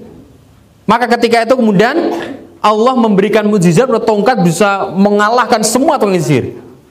Zaman Nabi Isa, mujizatnya apa? Yang paling Nah, Nabi Isa, Nabi Isa, Nabi Isa. Menghidup orang mati. Kenapa? Karena zaman itu orang yang paling hebat adalah tabib, Ah, ah, ah, dokter, pengobatan. Ya, maka jangankan orang sakit, Nabi Isa oleh Allah dikasih kesempatan, dikasih kelebihan bisa menghidupkan orang mati. Wah, ini berarti orang hebat ini. Kira-kira begitu. Mujizat itu sesuatu yang melemahkan. Ya. Zaman Rasulullah, kenapa ini disebut sebagai mujizat? Zaman Rasulullah yang paling top, yang paling hebat itu siapa? Kalau zaman Nabi Musa kan, Nabi Musa kan penyihir, ya. Zaman Nabi Isa tabib gitu ya. Maka kemudian didatangkan yang melemahkan mereka semuanya. Nah, ini ah dan zaman Nabi Muhammad SAW itu yang paling hebat adalah penyair. Jadi orang yang menyair, orang yang bikin syair itu kedudukannya tinggi. Ya kalau dalam bahasa kita ya kalau dia bikin Instagram yang paling live lah, paling top live lah kira-kira itu. Maka didatangkanlah yang paling eksis, paling trending topik itulah penyair. Selain itu enggak bisa. Walaupun dukun oh enggak, yang syairnya paling bagus itu adalah yang paling dihargai, paling dihormati. Maka kemudian Rasulullah Muhammad SAW membawa Quran ini isinya bukan sekedar syair yang indah, tapi semua bermakna dan melebihi semua syair yang ada. Ini yang paling kemudian orang Arab kenal alif, orang Arab kenal lam, orang Arab kenal mim. Tapi kalau digabung alif lam mim, mereka nggak ada yang paham. Ini bahasa apa? Ini tinggi sekali. Ini yang terjadi. Maka ibu sekalian, ini adalah mujizat yang kalau kita nurut kepada mujizat ini, insya Allah hidup kita beres. Tidak hanya urusan rumah tangga, gak urusan individu, bahkan negara sekalipun itu kalau nurut sama Quran, insya Allah beres. Uang ini hudalinas kok, petunjuk untuk manusia kok, bukan sekedar petunjuk orang-orang mukmin kok, ini semuanya kok. Ini yang terjadi. Ini mujizat. Dan hebatnya lagi, masya Allah ya, mau orang Cina, mau orang Eropa, mau orang Arab, semuanya kalau baca Quran itu sama gitu loh. Panjang pendeknya sama bu ya, aturannya sama. Boleh nggak orang Jawa itu kemudian pakai panjang pendek sesuai dengan lagu Jawa? Tidak boleh, sudah beda makna. Mutawakilun dengan mutawakilun sudah berbeda. Jamal dengan jamal sudah berbeda. Barokah dengan uh, barokah sudah berbeda. Amin sama amin sama amin sudah berbeda. Ya, luar biasa. Makanya nggak bisa. Yang namanya Quran pun dia main-mainkan sesuai dengan bahasa, sesuai dengan lagu masing-masing daerah. Ayo aneh nanti. Jadinya maknanya jadi aneh. Ya. Maka kemudian inilah mukjizat yang luar biasa. Ya kan? Orang Cina kalau ketemu ini Bismillahirrahmanirrahim Orang Jawa sama Bismillahirrahmanirrahim Orang Eropa nggak boleh Bismillahirrahmanirrahim nggak boleh Karena ada aturannya Luar biasa. Orang Arab ketemu ini juga belajar bahasa Quran, orang Jawa ketemu Quran juga belajar panjang pendeknya Quran, orang Cina juga sama, orang Jerman, orang Palestina sama. Luar biasa. Dan banyak sekali kemudian orang-orang yang hafal dengan ribuan ayat ini. Masya Allah loh. Padahal mereka bukan orang Arab loh. Ya, luar biasa. Inilah mujizat. Beda dengan misalnya lagu balonku ada lima, ya terserah. Nah terus siapa yang nyanyi panjang pendeknya terserah. Lagu balonku ketemu dengan gayanya Ustadz Agim gitu ya yang yang itu uh, jagalah hati ya jadi jagalah hati. Jagalah hati jangan kau kotori Jagalah hati lentera hidup ini Balonku ada lima Rupa-rupa warnanya. Hijau, kuning, kelabu Merah, muda, dan biru. Meletus balon hijau der. Hatiku sangat kacau. Balonku tinggal empat Ku pegang erat-erat. Kan begitu? Balonku ketemu Ebit GAD Ya terserah Ebit GAD Balonku ada lima Rupa-rupa warnanya Kan begitu Bu ya Suaranya kan? Hijau, kuning, merah, dan kelabu. Kira-kira begitu. Ya Ini udah siang ini harus seger-seger lah materinya ya. Ya. Terserah. Mau bagaimanapun terserah. Wong namanya itu lagu manusia kok Ya kan? Nah. Wah versi Queen saya nggak bisa ya. Lagu Rumah Irama ada juga balonku ya. Balon Balonku ada lima ya. Kan gitu kan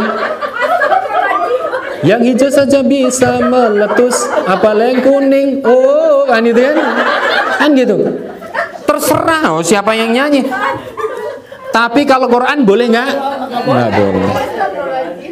Dari bahasanya saja ini sudah mujizat yang luar biasa. Apalagi kalau kita nurut sama Allah. Maka berapa banyak orang yang dia fokus menghafal kepada Quran, Allah kemudian ngurusi kehidupannya. Para hafiz hafiz Quran, masya Allah kehidupannya. Maka ini termasuk anak-anak kita. Berapa banyak anak yang berapa banyak orang tua yang kita khawatir kalau matematika nggak bisa, bahasa Inggris nggak bisa, tapi mereka khawatir kalau mereka nggak bisa baca Quran. Padahal inilah yang akan ditanya oleh Allah di akhir nanti. Maka ibu sekalian, maka Quran ini isinya adalah petunjuk bagaimana kita menjalani kehidupan. Kayak kompas di, di tengah hutan, ini adalah arah hidup kita. Yang pertama tadi apa? Al khauf min jalil. Yang kedua, al amalu bitanzil. Mengamalkan yang diturunkan oleh Allah. Jadi tugas tugas kita untuk Quran ini bukan sekedar membaca, tetapi mengamalkan. Yang ketiga, orang yang bertakwa itu al qanaah bil qalil. Jadi qanaah menerima apa yang Allah berikan lah. Tidak ngoyo kira-kira gitu. Al qanaah bil qalil. Jadi merasa cukup atas kehidupannya. Ya. Iya. Menerima, menerima, tapi bukan pasrah, kemudian nggak punya usaha ya, bukan ya. Tetapi apa-apa yang Allah berikan itu disyukuri. Apa-apa yang Allah berikan itu kemudian dimanfaatkan sebaik-baiknya. Berapa banyak orang yang ketika Allah perintahkan untuk kemudian uh, mengerjakan kewajiban, dia tinggalkan itu. Kenapa? Dia mengatakan, aduh kalau nggak kejar setoran gimana? Ada nggak orang-orang yang kemudian ketika Jumatan yang laki-laki itu Jumatan, tapi kemudian ada nggak orang yang kemudian tidak Jumatan gara-gara ngejar setoran? Ada nggak? Banyak. Ya ada sopir angkot segala macam gitu ya. Pokoknya mereka yang memburu dunia dan kemudian melupakan Jumatan itu kalah dengan cicak. Tahu cicak ya bu ya? Cicak itu kerjanya apa? Lagunya gimana? Cicak-cicak di dinding, diam-diam merayap. Kerjaan cicak cuman merayap di dinding, diam-diam pula. Betul kan? Kalau boleh protes maka cicak adalah ya makhluk yang paling protes pada Allah. Kenapa? Ya Allah, engkau nggak adil ya Allah. Tugasmu itu merayap, diem-diem di dinding pula. Sementara makananku terbang semuanya, gitu ya. Ya Allah, engkau salah desain ya Allah, gitu ya. Iya kan? Kenapa? Gimana coba merayap di dinding diem-diem makanannya terbang semua laron nyamuk segala semua terbang tapi tenang ada lanjutannya lagunya cicak-cicak di dinding diam-diam merayap datang seekor nyamuk hap lalu ditangkap. Yang datang cicak apa nyamuk? Nyamuk. Kalau dalam bahasa kita gini cicak kamu merayap ya. Oh siap. Di dinding lo siap. Diem diem siap. Nanti nyamuk datang. Ini ya. Cicak cuman sekedar melaksanakan apa yang kemudian menjadi takdirnya. Menjadi perintahnya. Merayap yang merayap nggak usah terbang. Nanti jatuh nggak punya sayap kok maka kalau ada cicak jatuh itu bisa jadi dia saking senengnya. Hop, ya saya punya rezeki ya jatuh malah ya kan ya. ya saking senengnya kan gitu kan. Ya, jadi kalau ada rezeki ya syukuri aja lah nggak usah terlalu seneng lah gitu. Maka pada jatuh cicaknya ya. Gitu. Itu yang kemudian kita sering kalah sama cicak. Bekerja yang baik ya siap. Ngangkot ya siap. Narik ya siap. Jumat Jumatan ya. Nah, bentar lah ini kan ya. Ini kalah dengan cicak ini kan waktunya kejar setoran saya belum dapat ya gitu ya. Itu jadi mereka kalah dengan cicak. Ya, disuruh sholat ya harusnya sholat, disuruh kerja ya kerja sebaik-baiknya. Jangan dibalik, jangan jangan dibalik-balik, disuruh kerja malah sholat gitu ya. Kenapa? Alasannya apa? Ini adalah pasrah pada Allah. Iya, iya enggak itu, itu bukan tawakal, ini namanya berpangku tangan. Perintah Allah tentang kerja ada, tentang sholat ada, yang lain ada. Kerjakan. Jangan sampai kita ragu dengan rezeki Allah, ya. Maka eh, ibu-ibu sekalian yang dirahmati Allah, nah itu menerima bersyukur tentang apa-apa yang Allah berikan pada kita. La in syakartum la azidanakum wa la in kafartum inna adzabilas sadid. Kalau kita bersyukur Allah akan nambah nikmat kita. Nikmat tidak mesti uang, Bu ya. Nikmat itu ada kesehatan, teman, semuanya yang buat kita lebih dekat sama Allah. Insya Allah itulah nikmat.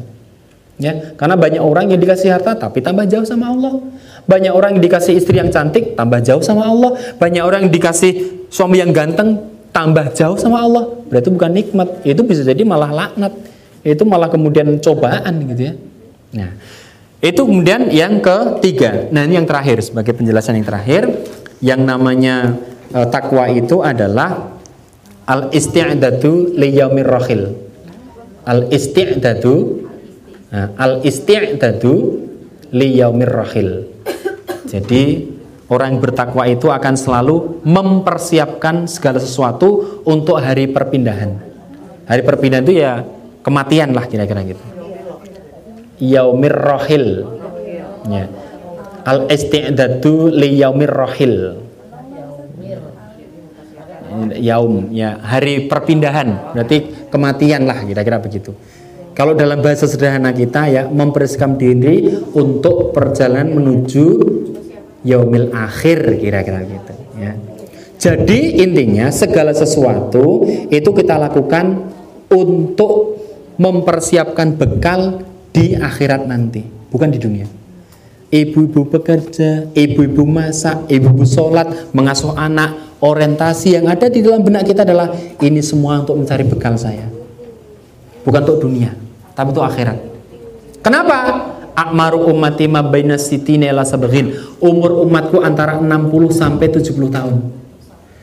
Bunda yang hari ini sudah 59 tahun, siap-siap setahun lagi ya. Siap-siap setahun lagi. Yang sudah 70 tahun ya besok pagi siap-siap lah. Tapi namanya usia, namanya umur itu raja Allah betul? Ada bayi yang meninggal, ada orang muda meninggal, ada bahkan kita tidak pernah kemudian luput dari misalnya kabar gini ada orang tetangga kita sakit luar biasa kakek-kakek sudah sepuh banget. Eh tetangganya nengok kayak muka-muka panjang umur kayak muka-muka sehat. Eh pulang-pulang tetangganya yang meninggal. Yang ngomongin semoga panjang umur ini yang meninggal malah. Banyak sekali. Maka itulah kemudian yang menjadi satu kita umur kita cuma pendek kok. Pertanyaannya kalau kemudian umur kita pendek, apa yang kita andalkan untuk kemudian kita bangga di depan Allah? Apa coba? 60 tahun itu pun tidak kemudian dihisap semuanya. Ada waktu yang oleh Allah Allah itu angkat akan mengangkat penanya. Allah nggak akan menghitung. Kapan itu? Kalau kita punya misalnya jatah kita 60 tahun, maka Allah akan ada ada tiga golongan yang Allah tidak akan hisap. Maksudnya apa? Allah tidak akan mencatat amal-amalnya. Apa itu? Yang pertama, anak-anak sampai dia balik. Jadi anak-anak itu suci, nggak punya dosa, nggak ada pahala. Anak-anak nggak sholat nggak dosa, anak-anak sholat juga nggak pahala, tapi harus diajari, harus dibiasakan. Kenapa? Bisa karena biasa. Banyak orang yang gedenya itu sulit berat, kemudian untuk taat pada Allah, untuk kemudian sholat. Kenapa? Karena di kecilnya mungkin tidak dibiasakan. Maka kemudian umur 10 tahun kata Rasulullah umur 10 tahun kalau nggak sholat dipukul tapi tidak sampai menyakitkan. Untuk membiasakan. Yang namanya anak-anak kecil tidak pakai jilbab, ya dia tidak dosa. Ya, dia pakai jilbab, dia juga dapat pahala. Tapi harus diajari supaya kalau dia balik, maka seluruh taklif hukum, beban hukum itu sudah bisa dia pikul. Kalau nggak sholat ya dosa kalau sudah balik. Kalau dia sholat, insya Allah dapat pahala. Kalau dia menutup aurat, insya Allah diridhoi Allah. Tapi kalau dia membuka aurat, maka kemudian apa? Lanat Allah kan begitu. Maka anak kecil mulai bu dibiasakan untuk pakai kerudung, orang secara sempurna kan gitu. Banyak sekarang wanita-wanita yang mengatakan, aduh aku belum bisa berhijab kenapa? Aku belum mampu. Sebenarnya sudah mampu, tapi apa? Aku belum siap. Udah siap sebenarnya, tapi apa? Belum mau. Bukan belum mampu. Saya mau tanya kepada bunda-bunda sekalian yang sudah punya, pakai hijab yang sempurna. Saya mau tanya, berapa kilo beratnya hijab sampai nggak kuat coba? Aku itu gak kuat kenapa? Berat. Emang berapa kilo? Ada 10 kilo. Jadi kalau kita makan, ya Allah pusing banget migren ini kan? Ya. Kan nggak juga. Ya nggak juga. Namanya ya nggak laku lah. Tapi cara menasihatinya yang baik. Ingat tadi Witing Trisno jalan sekolah kuliner. Ajalah anak perempuan makan bersama.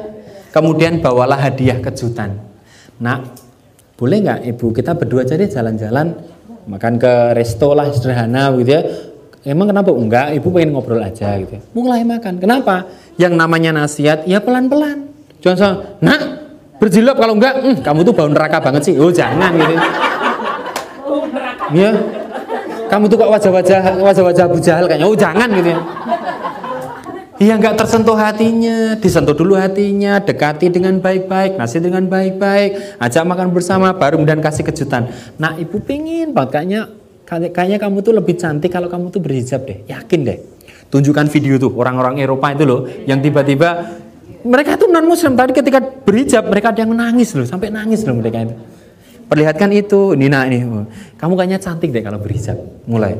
Tapi mah aku kan uh, risih, nggak apa-apa. Nanti mama doain deh. Kasih tuh hadiah. Break, nah ini hadiah untuk. Oh keliru peci, oh bukan, berarti laki-laki ya. Jangan ya. Ya, keliru. Ya, pelan-pelan. Kenapa? Anak ini termasuk modal kita di yomil akhir. Kan ada tiga yang tiga, tidak putus bu ya, yaitu apa? Salah satunya adalah anak yang soleh. Ini modal kita, persiapan kita menuju akhir ini. Anak kita itu adalah sesuatu yang menjadikan kita insya Allah mendapatkan pahala yang luar biasa. Lihat surat Yasin ayat 12. Surat Yasin ayat 12. Nah, ini nanti kita bahas. Ya. Surat Yasin ayat 12. Inna nahnu nuhyil mauta wa naktubu ma qaddamu wa afarhum wa kulla syai'in ahsainahu fi imamim mubin. Di situ ada kata athar. Nah, itulah anak kita. Salah satunya ya anak kita.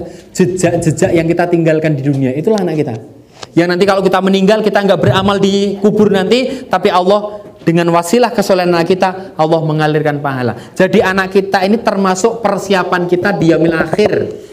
Jadi jangan sampai memandang anak kita itu investasi dunia. Nah, besok kalau kamu sukses, jangan lupa nak. Ya, jangan bukan. Nak, Jadilah hafiz Quran nak. Nak bolehlah kamu jadi direktur, tapi direktur yang taat pada Allah. Kenapa? Investasi yaumil akhirnya anak kita ini. Ayat 12. Moga-moga tidak keliru. Inna nahnu nuhyil mauta. Betul ya? Coba. Nah itu. Jadi anak kita itu termasuk bagian dari al istidadu liyaumir Persiapan kita menuju hari akhir. Kenapa? Hidup kita pendek, amal kita juga mungkin sedikit. Sholat kita bunda, sholat kita khususnya berapa lama?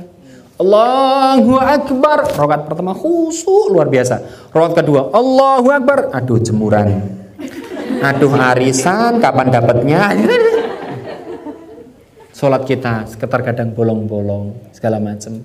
Nah kita ingin ketika kita meninggal maka pahala itu ngalir terus. Ya itu apa? Kita persiapkan anak kita untuk hal-hal yang kemudian mendekatkan mereka kepada kesolehan. Yakin deh kalau sudah saya punya anak usia 8 tahun dan kemarin uh, saya belum punya momongan lagi ya. Uh, eh, 8 tahun belum punya adik ya. Tapi alhamdulillah dua hari yang lalu. Abi positif. Ah, gitu ya, saya senang banget rasanya. Saya minta doanya moga-moga ya janinnya tumbuh dengan sehat. Yang pertama laki-laki. Ya, siap menjadi calon men, uh, menantu ya. Tapi masih 8 tahun ya. 8 tahun. Saya sekolahkan di sekolah tafid ya. Saya udah nggak mikir ijazah kerja oh, terserah gitu ya. Ijazah apa terserah, yang penting anak saya soleh. Kenapa? Allah nanti akan apa? Memberikan jalan untuk orang-orang yang soleh. Apalagi zaman sekarang bu ya, nggak lulus SD bisa bisnis online gitu kan, nggak lulus SD jadi orang kaya. Kenapa? Ya itulah saja Allah, gitu ya. Maka kemudian fokus saya anak saya harus kuat akidahnya, harus kuat sikap mentalnya, harus kuat kesolehannya. Masalah ijazah oh, bagi saya itu nantilah gitu. Yang penting dia kuat dulu keislamannya Ibu sekalian kenapa? Saya bayangkan ya Allah umur saya pendek ya kan? Tadi kan anak tadi kan apa? Oh anak-anak sampai dia balik. Nah kita kan juga begitu bu ya. Kita nggak mungkin lahir langsung ceprot jenggotan kan nggak mungkin gitu ya. Enggak apalagi ibu-ibu kan nggak jenggotan juga ini kan usia kita pernah tidak dihisap oleh Allah maksudnya apa kita dalam kondisi suci gitu ya yaitu pas anak-anak usia kita berapa kira-kira anak-anak sebelum kita balik kira-kira berapa? Punten ini bukan tabu. Pertama kali ibu-ibu uh, semuanya haid umur berapa? antara 13 sampai betul. Antara kalau zaman dulu segitu Bu ya. 15 tahun lah kira-kira begitu. Zaman sekarang lebih cepat Bu ya. Ya Allah SD kelas 4 sudah haid gitu. SD loh. SD sudah haid. Kenapa? Media, makanan. Eh, itu pengaruh sekali kita 15 tahun hilang. 60 dikuat 15 berapa? Tinggal 45 modal kita. Kenapa? Masa anak kecil kita udah hilang. Allah akan mengangkat pena ketika kita masih kecil. 15 tahun hilang. Masih ada dua lagi. Satu lagi ya. Tidur sampai dia bangun. Jadi orang tidur, Allah angkat penanya. Jadi kalau saya mimpi tiba-tiba nyuri di rumah ini, ya nggak dosa, wong cuman mimpi. Atau mungkin ibu-ibu siang hari lupa sahur gitu ya, tapi kemudian siang hari kita kemudian bangun, tapi dalam kondisi mengigau. Kalau dalam bahasa Sunda ngalindur, dalam bahasa Jawa ngelindur. Kemudian ke dapur ngejus. Minum wah, sampai kenyang. Insya Allah nggak dosa. Kenapa dalam kondisi tidur? Tapi apa ya ada kan itu kan nggak ada. Tidur kita berapa lama bun? Oke lah katakanlah kalau capek banget 8 jam. Berarti sepertiga hidup kita hanya untuk tidur. Kalau 60 dikali sepertiga berapa? 20 tahun hanya untuk tidur kita ya. Nggak beramal sama sekali loh. 20 tahun hanya untuk tidur. Itu belum dihitung ketika tidur pada saat majelis taklim. Belum dihitung sama sekali. Itu biasanya paling lama bu ya, paling aman gitu ya. ini. Ya, ya tenang, ya tenang. Ayam. Belum dihitung. Masih yang itu berarti apa? Du- 40 tahun dikurangi 20 tahun berapa? Eh, eh tadi tadi berapa? 5. 45. 45 di Tinggalnya 15, jadi tinggal 30. 30. 30. Oh, 25, 25. Ya pasnya berapa sih? Bunda, 25 tahun modal kita masih digunakan tiga loh. Orang gila sampai dia berakal. Orang gila itu nggak ada dosa, nggak ada pahala. Jadi gampang bu ya, kalau nggak dapat dosa gampang deh. Jadi orang gila ya. Cuman kita kan waras sekarang bu ya. Modal 25 tahun apa yang akan kita persiapkan? Berarti nggak mungkin kita mempersiapkan hanya tentang amal individu, nggak bisa. Kita harus mencari amal-amal yang kalau kemudian kita meninggal Allah akan ngalirkan pahala pada kita, anak kita, teman kita, jamaah kita, harta kita kita infakkan, kita wakafkan. Itu persiapan kita. Maka orang-orang yang bertakwa akan selalu berpikir apa yang kemudian bisa membuat saya punya amal yang banyak sementara mungkin saya sudah meninggal apa? Ada wakaf, anaknya, tetap semuanya jadi bekal. Al eh, al istidatu limirahil kenapa? Lah ini namanya kehidupan pendek, maka harus cari bekal yang banyak. Maka ibu-ibu jamaah ini harus menjadi persiapan kita untuk yaumil akhir. Ibu-ibu kalau nanti ngaji, tolong saling meng-SMS. Bukan untuk riak-riak, bukan. Niatkan, yang namanya riak itu urusannya Allah sama diri kita. Kita yang tahu kalau kita Bun, bun, sudah sholat duha belum? Jangan bilang, "Hmm, sok-sokan ngajak. Yang namanya ajakan baik, oh, ah, makasih bunda, sudah diingatkan kan gitu. Ibu-ibu kalau ngaji jangan sendirian, ajaklah tetangganya. Siapa tahu tetangga kita baik karena ajakan kita. Akhirnya kalau kita meninggal, masya Allah, dia tetap baik, kita dialirkan pahala yang luar biasa. Maka jamaah ini harus terus ada supaya apa? Kebaikan itu terus mengalir. Ya, tidak mengandalkan puasa, sholat tidak hanya itu, tapi juga teman-teman kita bisa menjadi wasilah kita untuk mendapatkan bekal di yaumil akhir. Demikian, ini kayaknya sudah siap-siap kita untuk pulang begitu ya. Oh, ada pertanyaan. Oh iya, baik. Ada tanya jawab.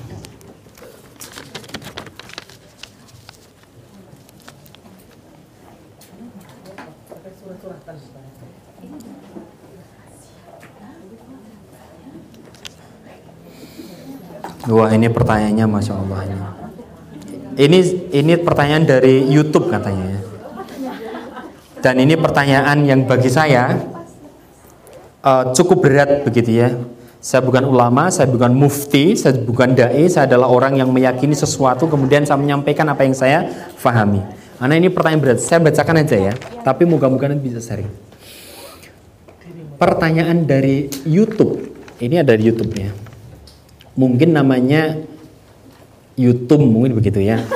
Tapi diubah menjadi YouTube, YouTube ya. Assalamualaikum Ustaz, saya adalah istri kedua. Alhamdulillah, sekarang saya menerima dengan ikhlas.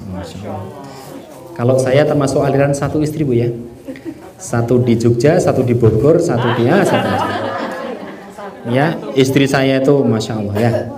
Saya adalah istri kedua. Alhamdulillah sekarang saya ikhlas menerima ya, menerima dengan ikhlas dan sabar ya. eh Qadarullah suami saya sangat patuh pada ibunya.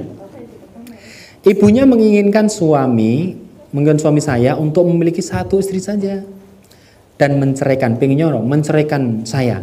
Tetapi saya tidak ingin sehingga membuat suami saya saat ini belum bisa adil dalam pembagian malam dan hal lainnya. Saya baca aja pusing apa jamin jawab ya kan itu ya.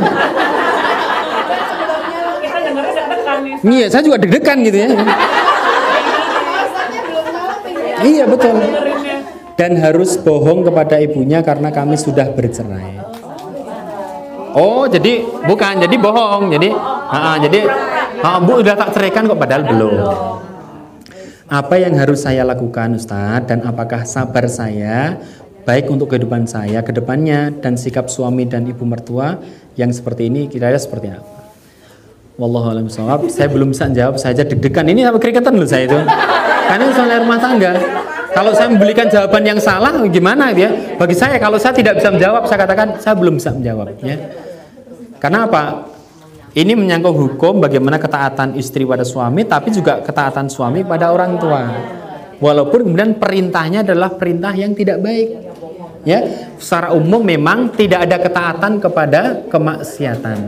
Ya, secinta apa pun orang tua kepada kita kalau kemudian perintahnya adalah kemaksiatan tetap tidak ada tidak ada ke- kepatuhan tetapi tetap harus bergaul dengan orang tua dengan baik jadi namanya menaati perintah orang tua itu hanya dalam hal-hal yang bersifat ketaatan bersifat baik. Tapi kalau perintahnya itu adalah maksiat maka tetap tidak boleh diikuti. Kan gitu kan menceraikan bercerai itu disukai Allah atau enggak? Dibenci. Sama Allah. halal Ya, boleh tapi kan dibenci kan itu kan. Jangan gitu ya, jangan dilakukan. Kan jangan dilakukan. Nah, saya, makanya saya tidak bisa menjawab hal ini. Kenapa? Ini halal tapi ini perintah orang tua. Saya belum bisa memberi jawaban ya. Ini pertanyaan dari YouTube. Moga-moga nanti bisa saya sampaikan kepada Bunda. Ya, saya akan cari kitabnya dulu. Saya mesti begitu. Kalau ada jamaah yang bertanya dan saya tidak bisa menjawab, saya cari kontak person yang menjadi PIC, kemudian saya sampaikan ini jawaban menurut kitab ini menurut ulama ini ya supaya apa semuanya bisa lurus saya tidak akan ngarang-ngarang saya tidak berani ngarang ya gitu. Demikian ya. Ini ini peristiwa yang luar biasa bagi saya ya. Nanti ini saya bawa pulang nanti saya sampaikan. Baik. Baik nanti berupa video maupun berupa tulisan insya Allah nanti saya sampaikan ya. Ada lagi pertanyaan? Di sini tulisannya nama bapak itu Cahyo Kumolo Irsyad. Masya Allah. Ya. Ya ya, ya. sini Cahyo Kumolo. Saya sampai kaget. Oh, wah ya, Allah. Kalau Cahyo Kumolo itu kayaknya Menteri Dalam Negeri ya. Semoga Allah memberikan hidayah kepada beliau ya. Amin. Kalau saya namanya kalau saya tinggalnya di Bogor, ya. Ah, orang Jogja tapi tinggalnya di Bogor. Aslinya Jogja. Ya, makanya saya manis kayak gudeg alhamdulillah ya. Jogjanya saya Bantul. Mana mana Bunda? Oh, Lempuyangan dekat stasiunnya. Alhamdulillah ya. Baik, baik eh, Bunda sekalian, terima kasih eh, sudah eh, hadir di sini dan saya juga terima kasih sudah Ibu sekalian sudah mengundang di sini. Mohon maaf atas keterbatasan ilmu saya. Yang penting bahwa apa-apa yang saya sampaikan itu adalah nasihat untuk saya pribadi khususnya. Karena kalau saya meminta begini, Bunda, ayo semangat. Yang nunjuk ke Bunda hanya satu, yang ke saya tidak. Nasihat untuk anak kita pun juga demikian. Nah, ayo sholat, nah, ayo ngaji. Yang ke anak kita cuma satu kok. Yang ke kita itu tiga. Maka yang saya sampaikan adalah nasihat lebih banyak untuk saya. Kan nggak mungkin ya, ayo nak sholat, ayo sholat. Nggak mungkin. Mesti begitu.